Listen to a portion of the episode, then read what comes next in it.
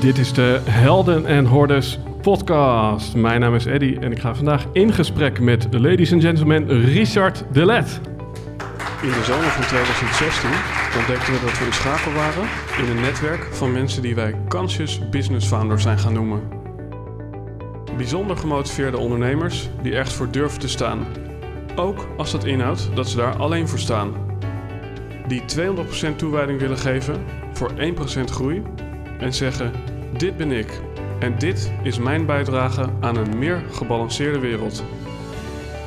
Helaas kon je niet bij al deze gesprekken aanwezig zijn.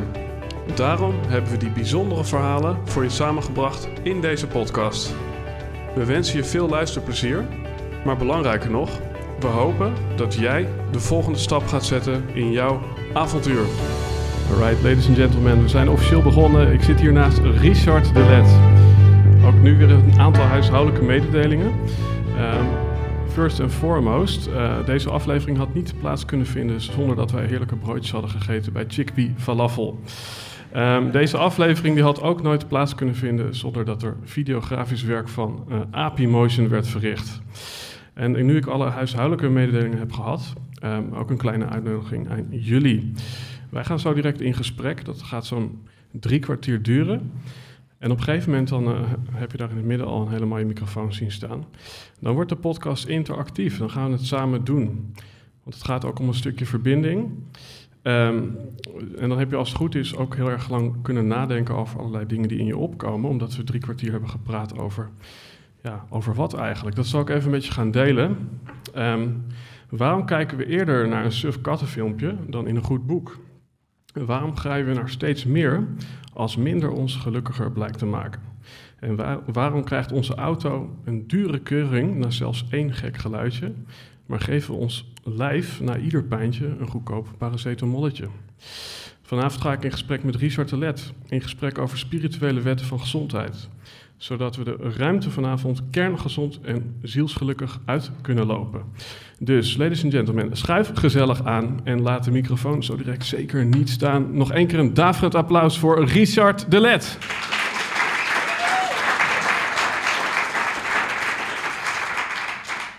Ja, Richard, um, we hebben elkaar eigenlijk een aantal jaar geleden voor het eerst uh, gezien. Het is nogal een uh, stukje langer geleden dat ik, ik... Ik dacht er nog over na van... Ik had een boek uh, uit De Vries gehaald, boekhandel in Haarlem...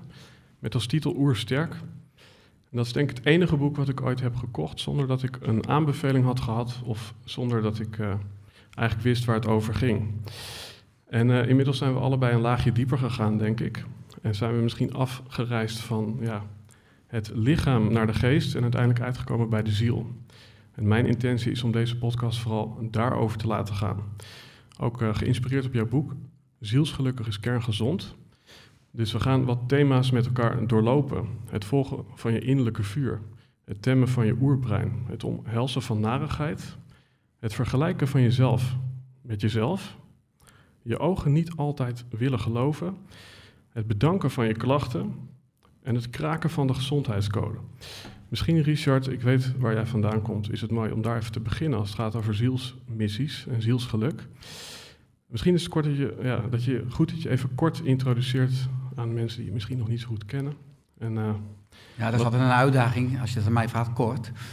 Uh, nou, mijn naam is Richard Delet. Uh, ik ben gefascineerd door de natuur, door het leven, door het lichaam. Ik wist al vrij jong, ik week de vogels, ik wil dierenarts worden. Op de middelbare school kreeg ik eigenlijk fascinatie voor een andere diersoort, de mensaap. Het werd geneeskunde. Begon in 2002 aan geneeskunde door VU in Amsterdam magische opleiding, eigenlijk allemaal eilandjes. Uh, maar toen ik het medische systeem inkwam, merkte ik dat de werkelijkheid heel anders was dan het beeld dat ik als kleine jongen had. Ik denk, ik kan mensen genezen, beter maken. Je kan heel veel tijd met mensen doorbrengen, dat is natuurlijk heel kort en vluchtig. Uh, en je kan mensen weer in hun eigen kracht zetten, onafhankelijk maken. Je houdt mensen natuurlijk vaak medicamenteus afhankelijk. Je omzeilt eigenlijk, je weet eigenlijk niets over zelfheling, het zelfherstellend vermogen, uh, lichaam, geest, ziel. Afijn, ik besloot in juli 2007, ik werkte in het Medisch Centrum Alkmaar. Uh, ik keek, ik zat in de artsenkamer, het was een zonnige dag als vandaag, ik keek naar, naar buiten toe. En er liepen mensen lachend het ziekenhuis uit. En ik wist nog dat ik dacht van wow, het is echt maanden geleden dat ik me zo gevoeld heb. Ik was gewoon mijn bezieling compleet kwijt. En ik wist dat er maar één keuze was. Uh, mijn witte jas in de wil gehangen. Dat heb ik gedaan en toen ben ik op een ontdekkingsreis gegaan naar uh, ja, de basis van het leven.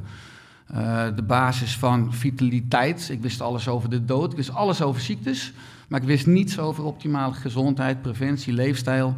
Uh, orthomoleculaire geneeskunde, psychoneuroimmunologie, kinesiologie, fytotherapie, psychologie. Heel veel opleidingen, omdat ik heel onzeker was. Want ik had de overtuiging, ik ben niet goed genoeg. Wat terugkwam, ik weet niet goed genoeg, dus ik ging heel veel leren. En uh, ja, dat leidde in 2012 tot mijn eerste boek Oersterk. En dat werd een bestseller. En toen was ik ineens auteur en toen werd ik gevraagd om praatjes te houden. Inmiddels tien boeken. Uh, fantastisch team in Heemskerk, een pand en onze missie is om uh, 1 miljoen mensen te begeleiden naar een beter leven door middel van de juiste zelfzorg. En de juiste zelfzorg kan pas als je kennis hebt over je lichaam, over je geest en over je ziel. Punt. Dat was het. Zijn er nog vragen? Um, um, ja, hè, dan gaan we eventjes het hele laddertje af. Um, het volgen van je innerlijk vuur. Ik kan me voorstellen dat het voor heel veel mensen al moeilijk is om uh, ja, überhaupt te weten waardoor jouw lichtje aangaat. Um, en daar bedoel ik mee, uh, voor je het weet, uh, zit je op de verkeerde rit. Dan ben je ineens uh, ja, bijvoorbeeld heel veel geld aan het nastreven, of je bent ineens likes aan het verzamelen. En dat is natuurlijk niet het, ja, hetgeen waar wij hier voor op aarde zijn. En dan hebben we ook nog zoiets als het vuurtje wat weer kan doven. En dan zou mijn vraag aan jou zijn, um, als eerst van, van wat heeft jou in vuur en vlam gezet? Dus wat is jouw, ja, met een mooi woord, ikigai of passie? Uh, ja, de natuur uh, vind ik de allergrootste leraar. Ik kan me enorm, mijn vuur leidt enorm op als ik me verdiep in uh, hoe fantastisch ons lichaam werkt. Maar vooral ook hoe fantastisch het samenspel lichaam-geest. En dan vooral als je nog beseft dat de ziel ook de onzichtbare bestuurder is van lichaam en geest. Dus dat je lichaam voor een groot deel gecondenseerde geest, of zelfs misschien wel gecondenseerde, gecondenseerde ziel is. En dat iedere klacht of iedere ziekte, iedere aandoening uiteindelijk een biofeedback-mechanisme is van lichaam, geest, ziel. Om je te laten weten dat je iets mag bijsturen, dat er iets uit balans is. Of dat je dus, als we het hebben over de ziel, dat je niet op de weg van je hart zit. En er zijn de meeste mensen zijn niet op de weg van hun hart. Ooit zei je bij mij in de podcast uh, Het hart fluistert. Later sprak ik met Koos Jansson van een cursus van wonderen die zei het ego schreeuwt. Uh, hoe weet ik dat ik naar de juiste instantie luister? Hoe weet ik dat ik luister naar datgene wat mijn vuur is? Dat voel je. En uh, ja, hoe, hoe, hoe is dat bij jou gegaan? Hoe, hoe, ja, hoe, hoe wist jij... Uh, want ik kan me voorstellen dat, dat, dat het voelen inderdaad het antwoord is. Maar er zitten vaak nog allerlei dingen voor dat gevoel... waardoor je niet kunt voelen. Ja, dat is dus als je kijkt, uh, je, je, noemt hè, volg je innerlijk vuur, dat is hoofdstuk 1. Als je kijkt naar de piramide van Maslow, uh, hebben we hier in het Westen hier natuurlijk enorm luxe. We zijn niet meer bezig met de onderste laag, met overleven. Uh, ik bedoel, primair zijn we soldaat, maar als er veiligheid is, dan mogen we filosoof worden. Kunnen we hoger in de piramide, heb je veiligheid, zekerheid, sociale contacten, erkenning. Maar bovenin is natuurlijk zelfrealisatie. Uh, dat is een luxe. Uh, daar zijn we eigenlijk hier in het Westen. Er zijn geen beren meer, er is geen honger meer. Uh, maar we worden natuurlijk als kind wel ja, geprogrammeerd, geconditioneerd. We hebben allemaal bijna negatieve overtuigingen. We hebben ook een oerbehoefte om bij de tribe, bij de groep te horen. waardoor mensen vaak ook eerder bij de groep willen horen en dan ongelukkig zijn omdat ze bijvoorbeeld dan niet naar hun eigen vuur of hun eigen hart uh, durven te, te, luisteren. En heel veel mensen leven dus niet wie ze ten diepste zijn. En heel veel mensen doen dus ook niet wat ze ten diepste echt willen. Uh, ja, dus dat is interessant. Dat kwam ik ook continu tegen in mijn praktijk van integrale geneeskunde. En het gaat erom in, essentie, wat zijn je hoogste waarden? Aristoteles, uh, die zei al dat ieder mens wordt geboren met een leegte of met een aantal leegtes. Dat noemen we het mysterie. En dat ligt buiten bewustzijn. En uh, we willen dat vullen. We willen daar achter komen. En als je dat vult, dan, dan heet het letterlijk vervulling. En ik word enorm blij uh, van uh, studeren, van creëren, dus bestaande kennis verbinden en van presenteren. Dat is echt waar je me s'nachts voor alle drie kan wakker maken. Het is vaak ook interessant voor mensen van wat, wat, waar word ik echt gelukkig van, wat vind ik leuk. Om ook terug te gaan naar wat deed je als kind. Hè? Wat, wat vond je als kind het leukste? Uh, maar je kan ook kijken wat nu je hoogste waarden zijn uh, in je agenda. Waar, waar, besteed je de meeste tijd aan? Of kijk op je bankrekening. Waar besteed je nu de meeste geld aan uit? En dan kan je jezelf wijsmaken. Nee, dat vind ik niet het belangrijkste. Nou, onbewust blijkbaar wel, want anders zou je die keuzes niet maken. En dat vormt dan weer je identiteit. Ja. Eigenlijk rollen we nu al door naar het tweede kopje en daar staat tem je oerbrein. Dus uh, hoe negeer ik die prikkels, het slechte eten, de slechte contacten? Uh, ja, misschien ook weer de eenvoudigere vraag van hoe uh, ja, zorg jij dat je onder de radar van alle bullshit blijft? Van alle dingen die, ja, die jouw leven misschien verder afbrengen van jouw vlammetje? Ja, door te erkennen dat ja, de evolutie is een soort blokkendoos. Uh, helaas. Dus mm -hmm. uh, we hebben, ja, ons brein is ook een blokkendoos. Het oerbrein bestaat uit de hersenstam, daar zitten de instincten. Uh, ook impulsen. Uh, instincten willen van iets af, willen iets vermijden. En dat is eigenlijk ook de maatschappij. We willen straf vermijden en impulsen willen naar iets toe. Nou, we willen allemaal als kind al hè, beloning. En daardoor raken we in het leven ook een beetje verslaafd aan het vermijden van straf, pijn en het continu zoeken naar, naar beloning. Waardoor we eigenlijk onze, de regels gaan opvolgen en braaf zijn. En uh, eigenlijk 19 van de 20 mensen zijn uh, braaf en eigenlijk 1 op de 20 is re rebels, wat je vaak ook in klassen ziet. Wat, wat primair dient puur vanuit een stukje veiligheid. maar vanuit de evolutie had je altijd gevaar aan de buitenkant en had je kans op externe wonden. En nu hebben mensen veelal interne wonden, want we hebben allemaal fantastische ouders met intenties, maar we zijn allemaal natuurlijk amateurouders, ik ook, hè, op mijn kinderen. En uh, daardoor zie je dat mensen ook de verbinding kwijtraken met zichzelf, met hun innerlijk vuur. En dat je continu eigenlijk kronkelt om de liefde en erkenning ja. te voelen buiten je. Ja, en is dat nu meer dan vroeger? Is het nu zo dat uh, ja, ouders uh, misschien onbewust er uh, ja, meer een potje van maken dan dat misschien vroeger zo was? Of is dat niet, of is dat niet wat je zegt?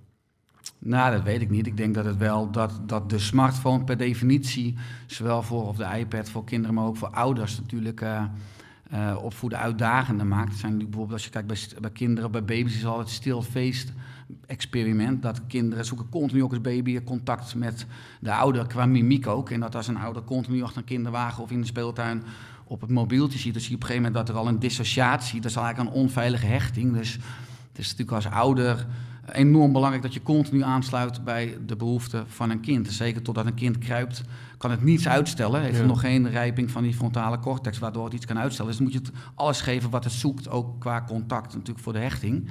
Wat weer uiteindelijk ook de programmering is van de parasympathicus en anti-ontsteking later in het leven. Als dat er fout loopt, heb je al pro-ontstekingsprogrammering en veel meer kans op westerse welvaartsziektes. Uh, maar ja, de moderne tijd waar we steeds meer doen, ik zei altijd eigenlijk draait het om minder en beter, is natuurlijk wel enorm uitdagend, omdat je uiteindelijk moet kiezen, of dat is eigenlijk een natuurwet, hè? als je je dagen niet vult met hoge prioriteit acties, dus als je niet weet wat je innerlijk vuur is, wat je belangrijk vindt, dan wordt je dag gevuld met lage prioriteit afleidingen. Ik denk dat heel veel mensen dat herkennen. Ja. Heel veel mensen worden reactief geleefd en weer een dag om. Maar vanuit je mensbrein heb je het vermogen om je oerbrein te overstijgen en proactief je leven in te richten op basis van wat je echt belangrijk vindt. En wat je vanuit jij, jouw unieke zielsmissie, blauwdruk, passie, betekent letterlijk taal van de ziel. Enthousiasme betekent God in zich hebbend. Inspiratie in de geneeskunde betekent inademing, betekent nieuw leven inblazen. Dus waar raak je ge geïnspireerd over? Waar raak je enthousiast over? Waar ben je gepassioneerd over? Ja, heel veel mensen die nou, die leven gewoon en die werken gewoon, maar die weten dat eigenlijk niet. Nee, ik heb hier ooit uh, achter de mic gezeten met Tibor Olgers, jou zeker niet onbekend. En die zei, uh, vroeger uh, was onze grootste vijand tegenslag. inmiddels kunnen we wel zeggen dat dat verleiding is. Ben je het daarmee eens? Ja, zeker op ni niveau van het oerbrein. Omdat ook als je kijkt naar gezondheid, dan hebben we nu in de mo moderne leefomgeving, de maatschappij. Door de omgeving bepaalt voor een groot deel gedrag. We zijn emotionele, instinctieve wezens. En het gedrag bepaalt gezondheid of ziekte. We hebben allemaal industrieën, van de olieindustrie tot de entertainmentindustrie, die ons laten zitten en aan schermpjes gebonden houden. De voedingsindustrie, van uh, de supermarkt, benzinepomp, uh, sportkantines, pretparken. Uh, en een enorme comfortindustrie. Het is al zielig als middelbare scholieren van 15 jaar zonder e-bike 7 kilometer moeten fietsen en een bezweten rug hebben. En dan staat de jeugdzorg bijna al op de stoep. ja, dat, dat fascineert me enorm hoe we steeds meer als softies leven. Wat, maar de natuur veroordeelt niet, maar werkt wel met natuurlijke consequenties. En als je dat spel gaat snappen, die feedback die er overal is, ja, dat, dat is een, een, een magisch. En die consequenties die krijg je niet meteen op je dak. Nou ja, wel, maar wat je net zegt, de ziel fluistert. Uh, enorm veel mensen, zeker ook als je dus niet verbonden bent met jezelf of met je ziel. En continu bezig nog hunken naar de erkenning van anderen omdat je interne wonden hebt. Vroeger hadden we, mhm. hadden we externe wonden, nu lijden mensen vooral aan interne wonden. Uh, ja, dan, dan, dan, dan voel je je lichaam niet. Heel veel mensen overleven in hun hoofd. En het lichaam mm bungelt er een beetje aan vast. Dus als je het hebt over lichaamsbewustzijn, weer vanuit het zij de ziel die, ja, die fluistert. Maar daarvoor moet je wel uh, de ontspanning en de stilte durven opzoeken. Maar het oerbrein wil weg van de pijn als er, als er innerlijke wonden of trauma's zijn. Waardoor je continu de prikkels en de afleiding, de dopamine zoekt. Maar echt duurzaam geluk is endorfine. Ja, mooi. Dat is een ander mechanisme. Zometeen komen we er ook uh, op, op het omhelzen van de narigheid. Want dat, daar gaat het uiteindelijk uh, om in, in, wat je nu volgens mij vertelt. Um, een, een, afslagje die ik ook nog even met je wil nemen is, je bent natuurlijk eigenlijk holistisch, uh, ja, modern kwakzalver, om het zo ik maar te zeggen. Ik ben laatst kwakzalver van de, van de maand geworden, dus dan ben ik dat wel een eretitel. Ik zat bij Jinek in september en toen uh, heb ik die titel eindelijk, heb jaren mijn best gedaan, maar hij is er door. Ja, dus dat is... Uh, dat is een, uh, dat is een compliment. En uh, nou ja, oké, okay, holistisch uh, kwakzalven. En ik ja. heb altijd geleerd om specialistisch ja, te werken, omdat je daarmee echt meters maakt. Hè. Dus ik ja, ben dan zelf iemand die slogans maakt voor organisaties, maar dat is echt een specialisme van hier tot ginder. Ik bedoel, het kan bijna niet autistischer hoe lang ik over één zinnetje doe. Um, en daar moet Ellen even lachen, want die weet er alles van. Um, maar dan hebben we ook zoiets als, oké, een uh, lekker band. Ik ga naar de fietsenmaker, een gaatje in je tand, ik ga naar de tandarts. En hoe kan ik nou, als ik holistisch wil groeien um, of meer zingeving wil ervaren, uh, ja, ho hoe vlieg ik dat aan vanuit ja, de overtuiging dat je alleen specialistisch uh, ja, kunt ontwikkelen? Dus je kunt eigenlijk alleen maar ontwikkelen op kleine stukjes in je leven. Dus of het nou is van oké, ik ga naar de fysio en dan ga ik dat even weghalen. Of ik ga uh, krachttraining doen, want dan ga ik mijn biceps trainen. Eigenlijk is mijn simpele vraag, waar moet ik beginnen als ik holistisch wil helen? Ja, het zijn uh, duizend deuren die op dezelfde kamer uitkomen. Dus je kan hem aanvliegen vanuit een fysieke deur, je kan hem aanvliegen vanuit een mentale deur, vanuit een emotionele deur, vanuit een spirituele deur. Uh, want alles hangt met elkaar samen. Dus in die zin kan je geen fouten maken. Maar uiteindelijk richt je uiteindelijk vooral op enerzijds energiebronnen. het grootste energielek is trouwens ontrouw zijn aan jezelf. wat, wat, wat heel veel mensen zijn omdat ze hun innerlijk vuur niet volgen. En zich conformeren aan een maatschappelijke norm. En zichzelf daarin verlogenen. Uh, maar er zijn, ja, ik zeg, duizend deuren die op dezelfde kamer uitkomen. Mooi. If you don't know where to begin, begin somewhere. Dat is wat je zegt. Ja, ja, dus, ja, dus in die zin kan je geen fouten maken. Volg daarin je intuïtie. Uh, of ja, ga gewoon ook mentaal dingen proberen. En je merkt wel waar je geen energie van krijgt of wel. Of wat wel klikt en niet klikt. Ja. Maar in die zin... Uh... Ja, want dat is de valkuil. Hè? Van, um, ik wacht net zo lang tot ik start. Uh, totdat ik weet dat het het juiste is. Terwijl jij nu eigenlijk zegt, als je gewoon lekker in beweging bent, dan, uh, ja, dan kom je er misschien ook achter wat je niet wilt, maar daarmee uiteindelijk waar je wel moet zijn. Ja, klopt. Ik denk dat de rode draad van het boek, maar dan verklap ik het al, is natuurlijk dat, kijk, alles is liefde. Dat, dat, als ik dat tien jaar geleden had gezegd, had ik mezelf ook genomineerd voor moderne kwakzalver. Maar uh, uh, ja, we zitten nu gewoon in ons lichaam, in deze incarnatie. Uh, en dat is, dat is een andere hoofdstuk waar straks komt als je het hebt over, over onze zintuigen. Maar er bestaat geen voordeel zonder nadeel en geen nadeel zonder voordeel. En uh, alleen dat kunnen we met onze beperkte perceptie, en dat ook als je het hebt over kinderen. Uh, wat ons onderscheidt van beesten is dat we zelfbewustzijn hebben. we zijn als kind geconditioneerd. en we hebben ook natuurlijk een perceptie, dat is een beetje mijn mentale driehoek: bewustzijn, perceptie, conditionering. Maar je wordt één keer in je leven geboren. Maar ieder later moment in je leven kan je herboren worden. En dat vind ik magisch. Ik eh, ben al ook, ook op mijn eigen persoonlijke weg qua innerlijk werk. En dat je transcendente ervaring hebt waarin je gewoon ervaart van hé, hey, alles is één en alles is verbonden. Ik bedoel, het is eigenlijk een illusie dat wij afgescheiden zijn. En uh, ja, eigenlijk praat ik tegen mezelf, als je het heel spiritueel bekijkt, maar alles is één, alles is één collectief veld. Alleen we worden door, door onze zintuigen continu in de maling genomen. En als ik eens heb over die mentale. Uh, eigenlijk is het natuurlijk van de oertijd. Je, hebt, eh, je had roofdieren en prooien. Uh, en ook in onze psychologie zie je dat mensen zich kleiner kunnen maken. En dan ervaar je de schaamte en een minderwaardigheidscomplex. En aan de andere kant heb je trots. Mhm. En dan ervaar je, uh, maak, maak, je je groter dan je bent. Dan ervaar je trots en een meerwaardigheidscomplex. Maar beide onjuiste percepties uh, geven een onbalans in de fysiologie. En dat heb ik dus. Ik zat, ik zat jarenlang, was ik expert in de stofwisseling, in de fysiologie.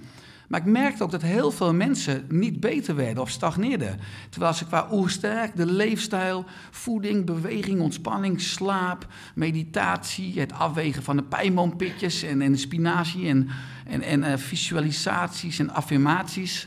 Uh, maar er ontbrak iets trommelgeroffel. Ik zit net iets te ver van de knop. Nou ja, meer dat, uh, ja, wat ik zei, het lichaam voor een groot deel gecondenseerde geest is. Maar als je gewoon ook niet op de juiste plek in het leven bent, dus dan heb je een conflict tekst context.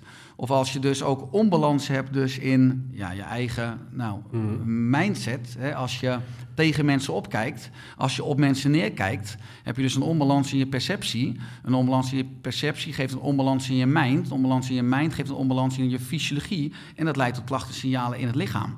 Dus je psychologie is één op één verbonden met je fysiologie. En dat heb ik nooit oh, geleerd en dat heb ik nooit ergens uh, begrepen. Dus je kan je heel erg richten op het vlees en bloed, maar dat is voor een groot deel gecondenseerde geest en ziel. En de meeste mensen hebben natuurlijk gewoon onbalansen in hun eigenwaarde, in hun zelfbeeld. Maar zijn ook, doen niet datgene waarvoor ze gemaakt zijn. Uh, als je vol leeft, kan je leeg sterven. Wayne Dyer zegt, zorg dat de muziek uit je is. En dan is het prima als je op een dag je ogen sluit. Als dat vuur volledig opbrandt, ja prima, dan hou je as over en dan kan je, kan je doorreizen. Ja. Maar heel veel mensen die. Uh, nou, ik heb ook, eh, dat ik geneeskundeopleiding deed, in de terminale waaksel gewerkt. Dus dat, toen ik 20, 21 was, werkte ik altijd uh, ja, bij mensen die op een sterfbed lagen. Dat was mijn bijbaan, van 11 uur s'avonds tot 7 uur s morgens. Een dode boel daar. Ja, nou ja, dat viel nog wel mee, want ze, ze leefden nog. Okay. Uh, en, en ik, hopelijk hebben mijn flauwe grappen ze wat langer in leven gehouden. Maar dan ontmoeten je mensen altijd naakt. Uh, dat wil zeggen, soms ook letterlijk zonder kleren, omdat het door nou, vaak kanker en uh, gewoon te pijnlijk was, uh, druk of mm. dekens of kleren. Maar de maskers waren af. Je had het altijd over de essentie van het leven. En ik, ik, was toen al, ik vond het leuk om in mijn voetbalteam voetballen, slap lullen, derde helft. Maar ik wilde ook altijd de diepgang. Ik hou heel erg van die afwisseling. En, Oppervlakkigheid en diepgang. Ja. Ja, mooi. Um, misschien is het mooie, omdat ik het gewoon zelf, uh, ja, ik heb daar iets over gehoord, maar ik ben daar gewoon benieuwd naar. Uh, eens zo'n moment dat je eigenlijk herboren werd. Ik herinner me iets van een brief in je, in je nachtkastje. En dan denk je, weet je waarschijnlijk wel ongeveer waar ik het over heb. Dat je op een gegeven moment iets had geschreven aan je vriendin, geloof ik. Of resoneert dat? Nou, misschien doel je erop, maar dat is zoals in 2011 eh, geweest, dat ik, dat ik dacht dat ik bijna dood ging. Ja.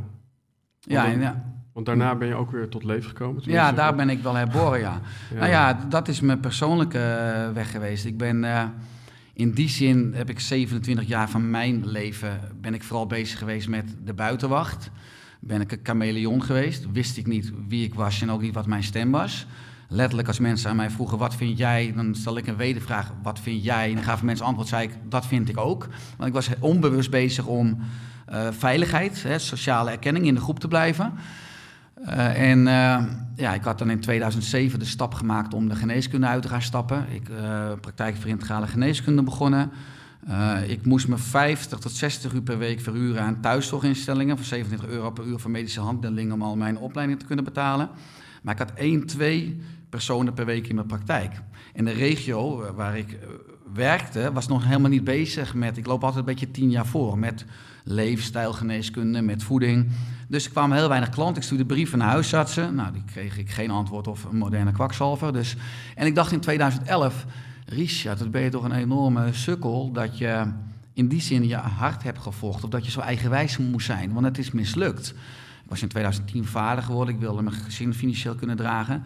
Uh, maar mijn grootste confrontatie uh, of gevecht was uh, dat ik ja, altijd zo bang was. Ik was als kind een enorme stotteraar. Ik kon niet vloeiend praten. Ik had een enorme spreekangst. Ik kon ook niet telefoneren. Ik kon mijn naam niet uitspreken. Ook in de geneeskundeopleiding. Ik heb een presentatie een keer moeten geven over een pancreatitis. Nou, ik, ik stotter echt bij de P. Nou, mensen konden een kop koffie halen en terugkomen. Ik was nog bezig. De, de, de begeleider zei, Richard, want de hele zaal zat natuurlijk ook in stress. Ga even chill zitten, neem even een kopje thee. Want de hele zaal had natuurlijk... Uh... Maar daar werd ik wel... Daar werd voor het eerst het verlangen groter om mijn eigen stem te laten horen. En dus los te laten uh, wat de wereld van mij vindt. En uh, ja, toen ben ik begonnen om mijn boodschap. Ik kon ik praten op een podium, vond nog iets spannend, maar ik kon blind typen in een foldertje te schrijven. En dat folder, ja, die liep uit de hand, maar dat werd dan het boek Hoe Sterk. En ja, dat verlangen. En, en, en het tweede moment, als ik dat maar is in 2014 geweest, dat me enorm geholpen heb. Ik was live op Radio 1. Uh, voor mijn derde boek Oerstek Leven. En zo'n item bespreek je, die week ervoor spreek je het helemaal door met de redacteur. Het was een hele leuke sfeer. Ze kwamen in mijn uh, praktijk voor geneeskunde, zo'n studio opbouwen met een uh, bus met een antenne van 15 meter. En ik ben live in het item. Ik was heel zenuwachtig, de grootste radiozender, ook met zo'n headset op. En kwam aan de andere kant van het item kwam live professor Frans Kok binnen van de Wageningen Universiteit. Die had mijn boek ook gelezen in een iets andere visie en die haalde een paar quotes uit. En die zei, mensen die dit schrijven, die horen in de psychiatrie thuis. Uh, en maar inmiddels kan ik zeggen, dat is een fantastische kerel. Want hij is een belangrijke leraar geweest in mijn leven. Het was zo'n klap in mijn gezicht. En mijn oerbrein dacht, wat een klootzak. Als hij voor me zit, geef ik hem een slag voor zijn harses. Nou, mijn mensbrein dacht natuurlijk, ja, dat kan ik nu niet zeggen. Want uh, dat is uh, ook niet hoe ik vanuit mijn kernwaarden met mensen wil omgaan. Dus ik zei, meneer Kok, dat zijn uw woorden. Er staat een wetenschappelijke publicatie bij en dat kunt u nalezen. Maar ik was helemaal uit het lood geslagen en ik heb dat interview een beetje naar roes afgemaakt. Ik heb mijn headset afgedaan, ik ben naar boven gelopen en ik, ik kon een half uur zielig huilend heb ik op de grond gezeten. En ik voelde van ja, ik heb twee keuzes op deze afslag. Ik kan mezelf weer helemaal terug gaan trekken, wat ik 27 jaar van mijn leven heb gedaan. Want als je hoofd boven het mijval komt, gaan mensen je prijzen, maar ook je kop eraf hakken. Of je moet accepteren dat de hele wereld tegen je kan zijn. Of niemand je begrijpt, of iedereen je kop eraf hakt. Maar dit is mijn boodschap, dit is mijn stem. Dus, Mooi. En Stem, uiteindelijk heb ik die tweede afslag gemaakt. En, maar dat heeft me enorm veel rust gegeven. Ik zat s'avonds bij RTL, RTL Late Night. Toen bij Humberto Tan, 1,1 miljoen mensen keken toen nog. En ik zat daar ja, ontspannender aan tafel door, door de fantastische lessen die ik mocht krijgen van Frans Kok. Stand for what you believe in, even if that means standing alone. Zo ben ik ooit deze podcast begonnen. Ja. Dus uh, welkom aan boord, zou ik bijna willen zeggen. Ja, gelukkig zijn we niet alleen meer. Um, uh, wat, wat mooi is, uh, want het was even een kleine interventie, maar we, zijn, we zitten nu bij, bij, bij de derde spirituele... Oh, waren we daar? Ja, ik was je even kwijt. Omhels, ja, sorry, om, om, omhels je narigheid. Ja. Ik hou het nog wel in de gaten. Ja. En je hebt ooit gezegd, je hebt controle over alles waar je van houdt. Alles waar je niet van houdt, heeft controle over jou. Ja. Hè? En dan noemde je als voorbeeld dus ook een irritante partner. Ja, eigenlijk zei je dat net al eventjes met uh, ja, die persoon die uh, ja, vond dat je in een psychiatrie uh, thuis hoorde. Ja. Dus, dus hoe zou je nu, vanuit waar je nu staat, ja, hoe, hoe, zou je, mooi gezegd, je trash kunnen aanzien voor, voor je treasure? Dus hoe, hoe kan je in die, in, in die shit eigenlijk de mest zien om uiteindelijk ja, misschien juist wel dankbaar te worden of gelukkig te worden. Ja, er is dus altijd in het universum, en dat is dus is een verborgen orde. Ieder voordeel heeft een nadeel en andersom. En als je alleen maar de positieve eigenschappen ziet van je partner, dan leef je in een fantasie. Als je alleen maar de negatieve eigenschappen dus eruit filtert vanuit je bewustzijn, dan leef je in een nachtmerrie. Maar als fantasie en nachtmerrie samenkomen, balans, dan ervaar je liefde. En uh, ja, het is dus ook de fantasie een beetje van de moderne maatschappij, is dat we ook in een fantasie willen leven. Dat we denken dat, dat het oerbrein wil alleen maar uh, plezier zonder pijn, wil alleen maar dag zonder nacht. Uh, wil alleen maar eten zonder poepen. Dat is misschien een beetje een rare. Uh, Maar eh, wat mij enorm fascineerde is dat het is onmogelijk om voor 100 mensen te spreken en dat 100 mensen je fantastisch vinden. Is evolutionair, kwantumfysisch onmogelijk. Ja, wie, wie durft de hand op te steken omdat hij nu officieel is afgehaakt? Omdat hij het helemaal, helemaal niet fanta- fantastisch vindt hier. Ja, dat zijn de middelvingers die, die nu omhoog gaan. Ja, dat, eh, het is ook onmogelijk om voor een zaal te spreken en dat iedereen je verschrikkelijk vindt. En dat is dus als je dat lichaam gaat ontleden, letterlijk, wat ik in het eerste jaar geneeskunde op de snijzaal deed, dan kom je uit bij atomen en bij subatomische deeltjes. En als je kijkt naar de kleinste elementen van het leven, heb je altijd een positief deeltje bij een negatief deeltje. Het is onmogelijk om een positief zonder een negatief. En dus dat, alleen ons oerbrein houdt ons continu voor de gek. Dus omhels je narigheid, zoek het verborgen voordeel. Of Ja, als, ja, je, als je in een fantasie leeft, zoek het verborgen nadeel. Ja. Dat is altijd balans. Volgens mij ook wat Kluun zei, hè? van op het moment dat jij je dus aanpast om bij iemand in de smaak te vallen, ja, ben je daardoor juist bij weer iemand anders weer niet in de smaak gevallen. Ehm, en ja, zal er ook een soort tussenpersoon zijn die neutraal is. Dus hoe je je ook gedraagt, het creëert altijd weer nieuwe tegenstanders en ook nieuwe voorstanders, waardoor je eigenlijk nooit klaar bent. Ehm, dat zijn allemaal spiegels. Ja. ja. Ja. Dus ehm, zometeen komen we ook bij het bedanken uit. Hè? Dus dan gaan we misschien eventjes kijken naar van oké, hoe, hoe zien we dan eigenlijk inderdaad het voordeel in het nadeel? Een andere mooie die hier ook nog staat, dat is het niet geloven van je eigen ogen. Ik heb er zelf eventjes een kleine analogie bij, omdat ik daar meteen aan moest denken. Toen ik eh, een jonge knul was, en als ik mijn moeder aankijk, ik was eigenlijk ook al ietsje ouder. Eh, Oké, jongens, ik heb een jaar geleden nog Sinterklaas gekeken. ehm, eh, samen met mijn moeder. En toen was er een aflevering op de Belgische televisie. En toen was er zo'n brief van zo'n kind. En dan stond er: eh, Sinterklaas, ik weet wel dat u niet bestaat. Eh, nou, Sinterklaas werd meteen ziek en die ging naar bed. Ehm, en toen dacht ja, Zwarte Piet was het toen nog. Die dacht van ja, wat, wat, wat moet ik hier nou, hier nou mee? Hè? Die Sinterklaas ligt ziek op bed. Dus die ging daar nog eens eventjes doorheen. Zo van, ik weet wel dat u niet in staat bent om langs alle huizen te gaan. Hé, hey, wacht, er staat iets heel anders. Nou, meteen naar boven. eh, Sint, eh, ja, eh, u heeft verkeerd gelezen. Het, ja, het thema hierbij is dus het geloven van onze ogen. Dus het geloven dat iemand in het verkeer een middelvinger opsteekt... terwijl je eigenlijk rechtsaf wijst... omdat er een, een gat in de grond zit, bij wijze van spreken. Dus hoe luister je naar de juiste signalen... als dingen zich eh, anders voordoen dan ze werkelijk zijn? Ja, in die zin ben je natuurlijk altijd je eigen creator van je werkelijkheid. Dus dat is wel een stukje verantwoordelijkheid pakken. In de westerse geneeskunde ben ik natuurlijk heel erg opgeleid vanuit eerst zien dan geloven. En wat je niet kan zien bestaat niet. Wat vroeger bijvoorbeeld de bacteriën waren en hoe we nu nog steeds met elektromagnetische straling omgaan. Hè, dat kan geen invloed, negatieve invloed hebben op onze gezondheid, want dat zien we niet. In het oosten is het natuurlijk eerst geloven dan zien. Ehm, en dat is enorm interessant, dat onze zintuigen maar een klein stukje van de werkelijkheid kunnen waarnemen. Je hebt natuurlijk letterlijk van de radiostraling tot de gammastraling. En wat wij kunnen waarnemen is 5% van het hele elektromagnetische spectrum. Dus hoe we geconditioneerd zijn, hoe we geprogrammeerd zijn. Harry Ford zei of je nou gelooft of niet, het is waar. Dus misschien wel herkenbaar. Toen mijn vrouw en ik graag zwanger wilden worden, ja, zie je overal kinderwagens en uh, overal uh, nou, zwangere buiken. Als je graag een Tesla wil of een, nou ja, of een, of een Volvo, dan rij je de snelweg en verrekt. Dus uh, het brein, dus al die prikkels komen binnen, maar je wordt je alleen bewust van datgene wat je dus belangrijk vindt. En dat is ook een stukje van geloof je ogen niet, want ook bijvoorbeeld ja, vaste materie is natuurlijk ook een illusie. Dat is gewoon, er bestaan alleen maar trillingen, vibraties. Dat komt, die, die, die trillingen komen op je netvlies. Daar zitten ook zeg maar, uh, elektromagnetische orgaantjes die sturen het signaal via de nervus opticus, de gezichtszenuw naar achter, naar de optische kwap. En hier wordt de illusie gecreëerd van de tafel, van mijn lichaam, van die microfoon. Maar het is, het is trilling, het is energie. En als je dan hebt over, wat je natuurlijk veel hoort ook op social nu, over manifesteren. Alles is in potentie aanwezig. Alleen je bewustzijn bepaalt, of tenminste ook het, het oplossen van onderbewuste items, wat werkelijkheid kan worden. En dat vind ik echt een magisch creatiespel. En als je dat spel beheerst, kan het enorm snel gaan. Ik, misschien, ik, wat, ik, ik wilde met mijn vrouw graag naar Tony Robbins toe. Naar uh, Date with Destiny in Australië. Maar ja, onze of James, onze jongste, was toen net 1, 2 jaar. Mijn vrouw zei, dat, dat kan echt niet.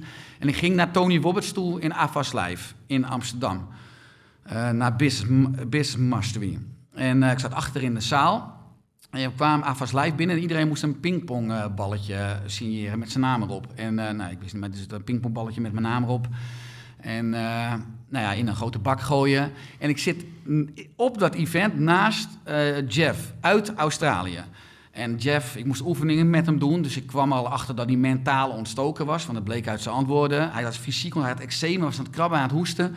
Dus op dag twee kon ik het niet meer aanzien. Ik zei, Jeff, hier heb je een A4'tje, schrijf even alles op. Hoe je leven is verlopen, uh, wat je actuele thema's zijn, hoe je eet, of je supplementen neemt. Ik zeg, dat is het gif Geef het briefje mij mee, ik ga thuis door. Ik maak een ander A4'tje, dat het tegengif. Uh, dus nou, hij had dat A4'tje gemaakt, ik had dat tegengif gemaakt. Dan kom ik een dag later, hij, uh, hartstikke blij. Uh, en nou ja, hij pakt zijn portemonnee, 500 euro, wou hij me betalen. Ik zeg, nee Jeff, dat, ik wil geen geld, want dat is mijn innerlijk vuur. Dat is waarom ik hier op de wereld ben. Nou, als je, als je een keer naar Australië komt, dan geef ik je een rondleiding. Ik zeg hartstikke leuk, maar fijn, ik weet niet of het... Uh... nou ja, uh, twee, drie uur later komt dus zo'n hele grote ding op het podium... met 2500 van die pingpongballetjes. Nou, je voelt hem misschien aankomen. En uh, Richard Delete. Nou, en die Amerikanen helemaal gek. En ik moest naar voren en op dat podium. Misschien, zijn, nou, misschien ken je de beelden. Het zag er niet uit. Ik moest dansen natuurlijk, helemaal zo Amerikaans. Moest ik drie vragen beantwoorden. Nou, die waren heel makkelijk, dus die kon ik inkoppen. Je mocht hulp vragen aan het publiek. Toen mocht ik op een rad draaien met 200 prijzen. Van een uh, Bluetooth-box tot uh, een nieuwe boek van Tony ondertekend... tot een waardebon van 100 dollar. En de hoofdprijs was Date with Destiny in Australië. Een van de 200. En ik draai, en waar komt die op uit? Date with Destiny in Australië. En dat was zo dat ik het universum dankte van hoe het kan gaan. En ik kwam terug, dat duurde heel lang, al die Amerikanen waren op de foto, want dan ben je een held als je een prijs wint. En Jeff zat huilend op zijn stoel. En het raakte mij ook. En ik zei, Jeff, dit is hoe het universum werkt. Ja. ja, die voel ik wel. Misschien moeten we de podcast ook maar eindigen hier. Hè? niet, um, ja. maar dat is dus de verborgen orde. En dat is dus niet omdat je... Dat kan je niet met je ego, met je oerbrein afdwingen. Dat is overgave, dat is vertrouwen. Mhm. Dat is ook niet ik, dat is, dat is, dat is wij. Dat is, nou, dat, ja. dat, is, dat is wet 7, daar komen we nog op. Um, zullen we eerst even kijken wat er bij 5 staat? um, bij 5 staat er uh, het uh, bedanken van je klachten. Hè. We hadden het er net al een beetje over. Ja. Dat je eigenlijk ja, uh, hand omhoog voor iedereen die zijn auto dit jaar vaker naar de garage heeft gebracht dan zichzelf naar de dokter heeft gebracht. Kijk, um, hand omhoog bij wie het andersom is. Oké, okay, nou, we hebben niks meer te doen, Richard. Ja, ofwel, want wat doen, wat doen ze daar bij die dokter? Hè? Uh, hadden ze dat misschien kunnen voorkomen? Nou ja, het leven is niet maakbaar, maar wel stuurbaar. Maar veel meer dat, dat uh, klachten zijn ook biofeedbackmechanismen. Dus dat is interessant. In mijn praktijk zijn mensen natuurlijk, ja, ik heb echt enorm veel klachten. En dan vroeg ik het uit, zei ik, ja, heeft je lichaam of je geest of je ziel misschien klachten over jou? Wauw, ja. Mooi. Uh, de reden namelijk dat ik het voorbeeld aanhaalde was dat, ja, dat, dat het vaak zo is dat we eerder naar de garage gaan uh, met het kleinste lampje op onze auto dan dat we bij het eerste pijntje, pijntje in ons lichaam gaan onderzoeken wat daarna speelt. En um, dan ga jij eigenlijk nog een stap verder door het bedanken van je klachten. En, daar zit misschien ook het doorvoelen van je klachten in. Um, ja, ja, voor, mij, voor mij is dat telkens toch, hè, ik, ik weet dit op papier. En dan uh, gebeurt er iets in mijn leven en dan denk ik van, uh, ja, maar dit is wel echt gewoon heel erg KUT. Dus uh, nu ga ik het even niet bedanken. hoe, hoe, hoe zorg ik ervoor dat ik ook die dingen leer bedanken? Ja, kijk, ik ben natuurlijk ook niet verlicht, alhoewel, met deze lamp een beetje. Uh, dus dat is ook gewoon uh, de aardse realiteit, uh, het dualisme. Dit is, dit is de realiteit van het dualisme. Ehm, maar uiteindelijk zijn alle klachten, wat ik liever signalen noem, er om je te helpen. Om je te laten weten dat je iets mag bijsturen in enerzijds je leefpatroon. Dus bijvoorbeeld in je eetpatroon, in je beweegpatroon, in je zitpatroon... of in je ontspannen, je slaappatroon, je denkpatroon, je sociale verbindpatroon... Mm. Maar vaak ook om je te laten weten dat je niet op de weg van je hart bent. De natuur wil niet dood, de natuur wil niet ziek worden. Er is een enorm krachtige zelfheling component in ons ingebouwd. Alleen, we zitten het vaak in de weg. En dan vooral door mentale, emotionele, spirituele thema's. Ja. Dus dat, ik weet niet, dat is nog geen antwoord op je vraag. Hè? Nou, dat doe ik nee. expres, hè? Dan laat ik af en toe Nee, nee. marineren in je hoofd. Nou ja, goed, kijk, eh, misschien heb je daar zelf wat voorbeelden van, hè, van eh, situaties die je, eh, je hebt er net al eentje genoemd, dat vond ik wel een mooie, van die man die zei dat je in een gekhuis terecht hoorde. Maar waarschijnlijk kon je dat ook niet op het moment zelf dankbaar voor zijn, maar kwam dat pas veel later. Ja, absoluut. absoluut. Ja. Nee, ja, kijk, dus de oerbreinfout die je in het begin maakt, is dat je ja, zegt, ja, hij is verantwoordelijk dat ik me rot voel. En hij had wat anders moeten zeggen. Ja, En, en wat een enorme klootzak. En dus waar je niet van houdt, dat blijft tijd en ruimte innemen in je mind. Dus hij staat veel te Ja. veel in mijn, in mijn mind. Want ik dacht, wat als ik hem ooit weet je, Dus eh, ja, dat, dat is, dat is eh, het niveau van het oerbrein. Ja, toen ik met Ellen van Vliet in de podcast zat, toen gaf ze eigenlijk als relatietip aan. Ehm, gaf ze als tip van, als je ergens mee zit, ehm, dat is het moment om, om het te delen. Eh, en niet eh, drie weken later, want eh, wie weet wat voor kernenergie er dan allemaal kan, kan ontstaan. Ehm, ja, hoe komt het dan toch dat we eigenlijk telkens inderdaad dat allemaal maar een beetje vooruitschuiven? Dat jij nu misschien in retrospect in deze podcast kunt zeggen, in 2014 was ik ja, wa- was is iets gebeurd waar ik nu wel dankbaar voor kan zijn. Maar ja, het, zal waarschijnlijk eh, ja, veel prettiger voor, voor je systeem zijn om, om er eigenlijk meteen korte metten mee te kunnen maken. Ja, misschien is het ook een stukje levenswijsheid. Ik weet inmiddels dat alles wat me overkomt, ook negatief, eh, dat er een verborgen balans is. Wat ik me soms, soms niet altijd ook voel hoor, maar ook altijd in de loop der tijd, als ik terugkijk, dat ik altijd zie dat het beter is. Evolutie is groei, het wordt altijd beter. Eh, er is altijd sprake van groei. Dus dat is ook een stukje vertrouwen en overgave. Ehm, Ja, want is dat zo? Hè? Even een kritische vraag. Als je bijvoorbeeld kijkt in Amerika dat de kinderen alleen maar dikker worden. eh, dat de kinderen in Nederland eigenlijk te weinig lichaamsbeweging hebben. En dat er nog nooit zoveel stil is gezeten als in de afgelopen eh, eh, paar jaar. Dus is er eigenlijk altijd sprake van transitie en groei? Of is er eigenlijk ook sprake van een enorme terugval? Nou ja, als je vanuit het fysieke vlak kijkt, dan is er inderdaad eerder sprake van devolutie. Dus we gaan eerder inderdaad, we worden, we worden zieker, we worden dikker, we worden ook dommer, we worden dus zwakker. Dat is niet hoopvol. Eh, maar aan de andere kant, de hele evolutie heeft altijd gewerkt op basis van bepaalde bottlenecks. Dus er zijn gewoon crisis nodig. En crisis in China betekent het, het, teken van crisis ook gewoon kans. Waardoor het weer beter wordt. De coronacrisis was natuurlijk een, ja, nog een heel mild eh, bijna biofeedbackmechanisme van dan misschien de aarde, van om ons te laten weten dat we niet in balans leven, dat we, dat we roofbouw plegen, dat we eh, ja, niet respect hebben voor natuurlijke kringlopen en ecosystemen. Er zijn ook allerlei andere theorieën, die ken ik ook, maar eh, dus in die zin is een crisis ook altijd een zegen. Ja, En, en een goed leven, ja, daar is ook geen enkele noodzaak om. Dus ieder mens heeft, dus Joseph Campbell de Mhm. natuurlijk met, eh, met pieken en, en dalen. En mooi. En wat, wat denk je, als we daar eventjes op inzoomen, dat, dat die les is die we kunnen leren eh, eh, van de pandemie die we net achter de rug hebben? Ehm, en is er een les geleerd? Want hè, er zijn misschien ook allerlei idiote maatregelen vanuit de politiek genomen die ja, eh, misschien vanuit jouw levensvisie ons nog verder van balans brengen. Mhm. Maar, maar, maar als, je, als je optimistisch bekijkt, wat, wat is dan in, in jouw perceptie wat we de afgelopen twee jaar hebben geleerd collectief? als ik het optimistisch bekijk, eh, dan zou ik willen zeggen dat door het gebrek aan politiek leiderschap en de belachelijke maatregelen, dat het echt heeft geleid dat fantastisch veel mensen ontwaakt zijn en wakker zijn geworden. Ja, veel meer eh, snappen dat ze zichzelf moeten redden. Niemand komt je redden. Je bent ook zelf verantwoordelijk voor jezelf.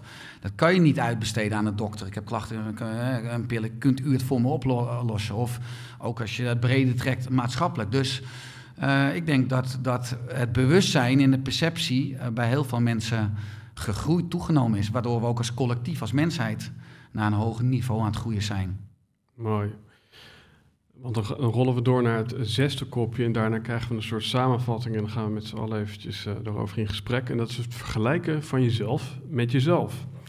Ehm, ja, dus eh, kijk, ik, wat ik voor me zie is dat we vroeger in een klein dorp uh, leefden en dan, nou, dan hadden we uh, allerlei mensen in het dorp en daar vergeleken we ons misschien ook wel mee. Maar dat waren maar een paar mensen waar we veel contact mee hadden. Dus was het bijna niet mogelijk om ook onze downsides, onze negativiteit onder stoelen of banken te schuiven.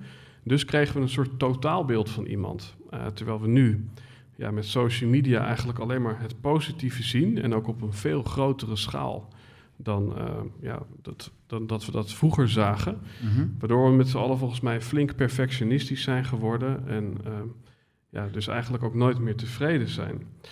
Dus uh, mijn vraag aan jou zou zijn, hoe, hoe stappen we uit dat vergelijken en uit die schaduw? Ja, ik open dat hoofdstuk dat het simpelste recept om ongelukkig te worden is je dus vergelijken met anderen. Alles wat je in een ander ziet, maar niet in jezelf, beperkt je. Alles wat je in een ander ziet en ook in jezelf, bevrijdt je.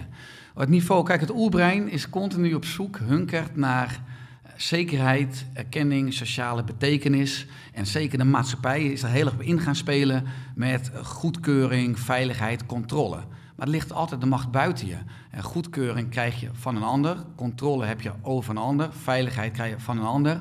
Onbewust zijn we als mens, vanuit spirituele natuur, vanuit ons mensbrein, allemaal op zoek naar verbondenheid, naar bekwaamheid, naar autonomie. Dat, maak je, dat zit allemaal in, in, je, in jezelf. Dus, ja, dus, dus de, de wereld, andere mensen zijn een spiegel, maar alles wat je in een ander ziet, zit ook in jou. Dus je moet vaak wat beter zoeken of beter graven. En als je dat gaat zien, uh, ja, dan ben je niet continu. Ik bedoel, bijvoorbeeld als je kijkt hoeveel heel veel mensen door social media scrollen. Ja, als je dan aan het vergelijken bent, is dat er nu continu een zelfafwijzing maaltijd. Ook als je kijkt in de neurotransmitters in je brein en in je hormonen. Dat je denkt, jeetje, lekker dan, de hele wereld uh, heeft dat en ik heb het niet. Ja, je hebt het wel, maar op andere gebieden straks in je leven. Je moet het beter zoeken. Maar alles wat je buiten je ziet, ook in anderen, zit in jou. Dus als je anderen gebruikt als inspiratiebron, dan bevrijdt het je. Betekent dat ook uh, dat je wat meer tijd alleen mag doorbrengen? Zit daar dan ook de oplossing, omdat je met een stukje introspectie, misschien een dagboek bijhouden, dat je daarin misschien uh, eerder uh, tot inzicht komt dan dat je je constant omgeeft met anderen? Ja, en ik denk dat we een universele behoefte hebben vanuit onze genen om ook veel met de natuur in te gaan. Want uh, ja, ik dacht vroeger altijd, ook als ondernemer, dacht ik van ja, ik ben ook wel goed en ik ben misschien wel succesvol, maar het meeste van wat ik zelf bedacht heb is allemaal geflopt. En ik was een keer bij professor Paul de Blo op de Nijrode Universiteit. Die was toen 92 en gaf les, helaas een paar jaar geleden overleden. Uh, ook die Jappenkamp allemaal meegemaakt. En er hing één quote op zijn muur. Ja, die maakte enorm indruk. Dat stond op, ik kan het beste niet kiezen. Het beste kiest mij. En alles wat het universum voor mijn voeten gegooid heb en ik aangepakt heb, dat is een succes geworden. Maar ja, misschien onterecht kan ik zeggen, ego, dat heb ik gedaan. Maar dat is omdat, ik, omdat het universum ook het voor mijn voeten kan gooien. Omdat ik regelmatig de natuur in ga, waar je ook in dat collectieve veld zit. En je nieuwe inzichten krijgt. Dat is natuurlijk interessant. Is het inzicht van jou? Of komt het inzicht uit het veld wat dan binnenvalt? En waardoor je de stilte en de rust hebt om hem gewaar te worden? Denk je dat die enorme groep van mensen die dus niet weten wat hun zielenmissie is. Of niet weten wat voor bedrijf ze willen starten. Of niet weten of ze de juiste partner hebben Denk je dat het dan ook een resultaat is van het feit dat we weinig in de natuur zijn? Of is het eigenlijk een luxe probleem omdat we ja, bij wijze van spreken niet meer bij de bakker van onze vader moeten werken? Waardoor we eigenlijk zoveel ruimte krijgen om ook ja, een beetje... dat die optiek wel. Ik, maar ik denk dat het wel een fantastisch zielenmedicijn is. Als huisartsen zouden zeggen tegen patiënten... Hier, je, ik geef je een briefje en ik schrijf op dat je 24 uur morgen in de natuur mag of moet gaan zitten.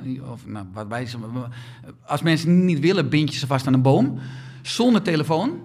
Ja, en dan kom je de eerste, ik bedoel, dat stemmetje wordt er allemaal gek van. En dan red je acht of tien uur. Maar op een gegeven moment, boem, dan uh, moet je dingen openbreken. En ja. komt er als een andere mensen weer uit. 24 uur in de natuur. Daar betalen mensen grof geld voor, voor retretes. Terwijl je kan het gewoon iedere dag gratis doen. Dat is toch ook een grap? ja, um, dat is zeker een hele goede grap. Um, Dank je. Kijk maar, mensen moeten er zelfs om lachen. um, Ja, we hebben het over van alles en nog wat gehad. Hè. Eh, wat ik er zelf ook een beetje uithaal, is uh, ja, toch wel het constant onder de radar blijven van het reptiele brein, van valse behoeften, uh, van verkeerde prikkels of te veel prikkels. Dus het gaat volgens mij over ja, minder en beter, onder andere waar we het net over gehad hebben.